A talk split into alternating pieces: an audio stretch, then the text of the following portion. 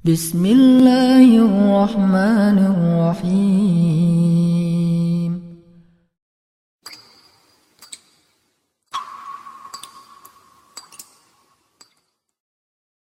Ada banyak tapi tidak berkah, ada sedikit tapi berkah. Antum kerja rahmatullah, kerja di pekerjaan misalnya. Maaf, gajinya banyak, sebulan misalnya 20 juta, tapi sholatnya susah. Tempat lain gajinya 200 ribu, 200 ribu tapi sholatnya enak, baca Quran nyaman. Pilih mana? Sedikit tapi berkah, banyak tapi nggak berkah. Tidak ada pilihan ketiga, nggak usah nekat kan. Pilih mana? 200 ribu gampang sholat, 20 juta susah sholat, pilih mana? Yakin. Bisa aja. Ya. Itu nggak mudah tuh, nggak mudah. Nggak mudah, tapi orang beriman tuh tahu. Orang beriman tuh yang dicari berkah, bukan banyak. Makanya ketika Allah membuka pencarian rizki, dibedakan antara orang beriman dengan manusia biasa. Ya, silahkan cek Quran surah kedua, ayat 168, paling kanan sebelah bawah. Ketika membuka ayat rizki, mencari rizki, itu dibuka dengan nas. Disebutkan 241 kali dalam Al-Quran. Ya ayyuhan nas. Ya disebutkan 360 kali dalam Al-Quran, ayyuha 150 kali, nas disebutkan 241 kali dalam Al-Quran. Ya ayyuhan nasu, hei manusia, di mana aja kalian, mau jauh mau dekat, saya tegaskan pada kalian ya. Ya kulu mimma fil ardi halalan tayyibah. Kalau kamu ingin dapatkan makanan, ingin mapan hidup, maka bekerja, silahkan cari kerja. Jangkau sebagian tempat di bumi yang bisa dijangkau. Tapi caranya halal dan tayyib. Halal, ikuti regulasi dengan benar. Cari sesuaikan aturan aturan dunia apalagi akhirat ikuti itu aturannya ya ikuti Tayyiba setelah yang mendapatkan yang halal itu dengan cara yang benar cari yang baik-baik Tayyib membuat kebutuhan antum tercukupi kalau kebutuhan fisik membuat yang menyehatkan. Makanya orang Arab kalau ditanya kaifa halak? Alhamdulillah na tayyib. Tayyib itu artinya baik sehat fisiknya kuat. Bagus. Alhamdulillah tayyib. Nah kalau cari makan sudah dapat antum dengan cara yang halal. Ikutin jangan korupsi. Aturan negara diikuti administrasi. Apa muslim atau syariat diikuti. Diikuti dapat misalnya 10 ribu. Pengen beli makan cari dengan makanan itu yang membuat fisik sehat. Jadi nggak semua yang diinginkan pengen dibeli. Itu prinsipnya dalam Quran minum apa fungsi minum menghilangkan haus kalau bikin hausnya hilang itu minuman yang bagus nggak semua minuman itu harus diminum udah tahu bikin mabuk diminum juga apa nih bir enak gak lumayan tuh lumayan katanya kan Ah, lumayan kelihatannya. Bermanfaat enggak? Enggak. Sudah tahu enggak bermanfaat? Enggak usah dikonsumsi. Itu enggak sehat. Tinggalin. Jauhi.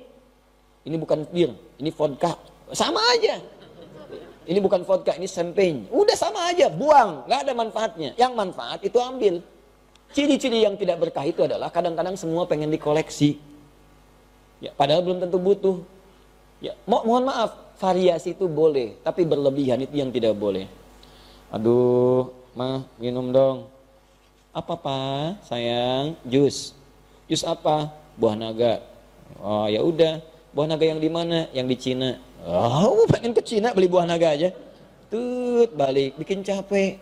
Makanan mau makan, mah nasi goreng dong, ya. Tinggal di Lampung. Iya pak, depan tadi persenjangan depan, kebon sirih. Kebon sirih ke Jakarta, masya Allah, terbang dulu ke sana, berangkat dulu malam-malam mengejar kebon sirih, nyampe sana, tutup, Nafsu itu namanya. Ya, nah orang beriman beda, yang dicari keberkahan. Makanya ketika menyebutkan pencarian rezeki orang beriman, ini menarik kalimat halalnya dibuang, tayyibnya kemudian digandakan. Buka Quran surah kedua ayat 172, paling kiri sebelah atas. Ya ayyuhalladzina amanu. Ya ayyuhalladzina amanu. Hei semua orang beriman pakai alladzina disebutkan 1080 kali dalam Al-Qur'an. Semuanya tanpa kecuali. Kulu min tayyibati ma razaqnakum. Silahkan cari rizki min tayyibat. Halalnya dibuang kalimatnya. Muncul tayyib dijamakkan jadi tayyibat. Tayyibat bentuknya jamak. Menunjuk pada banyaknya keberkahan. Kenapa halalnya dibuang? Karena orang beriman itu, imannya otomatis akan membimbing dia untuk mencari yang halal. Jadi kalau antum merasa beriman, tapi terfikir berbuat yang haram, ini menunjukkan ada masalah dalam imannya. Bermasalah. La yasriqul mu'min indama yasriq fahuwa mu'min. Orang beriman itu gak akan mencuri. Saat mencuri ada iman dalam dirinya. Ini menandakan iman tidak akan mendorong perbuatan maksiat. Paham? Kalau antum mencari rezeki begini, kepikir yang halal, yang berkah, gak apa-apa sedikit yang penting berkah. Maka Allah akan lipat gandakan berkahnya. Dilipat gandakan. Min tayyibati kami banyakin tuh manfaatnya. Berkah itu banyak manfaat. Bahkan hebatnya, yang sedikit ini kadang gak pernah kepake. Saya punya teman dulu di Libya, berangkat ke sana sama-sama. Orang awak teman kami itu, Bukit Tinggi. Dia bawa 50 dolar, Pak. Berangkat ke sana, 4 tahun, nggak kepake. 50 dolar, 4 tahun. Nggak kepake. Bahkan dia berusaha berkhidmat dengan uang ini, membalas jasa ibundanya, saya pengen hajikan ibu saya. Dan berhasil. Ada keluarga penghafal Quran. Itu Masya Allah, luar biasa itu. Saya sering sampaikan kisah ini karena inspirasinya bagus. Ini Pak, istrinya penghafal Quran. Nyata ini. Punya sanad. Suaminya demikian. Anaknya juga hafal Quran. Suaminya kerja mungkin di tempat yang menurut sebagian orang kecil lah. Buruh kuli. Hebat tuh. Istrinya dan ke sawah, bawa suluh. Nyambut suami macam-macam. Tapi Allahu Akbar, setiap datang tamu ke rumahnya. Itu sajian luar biasa lengkap. Ikannya, buahnya, macam-macam.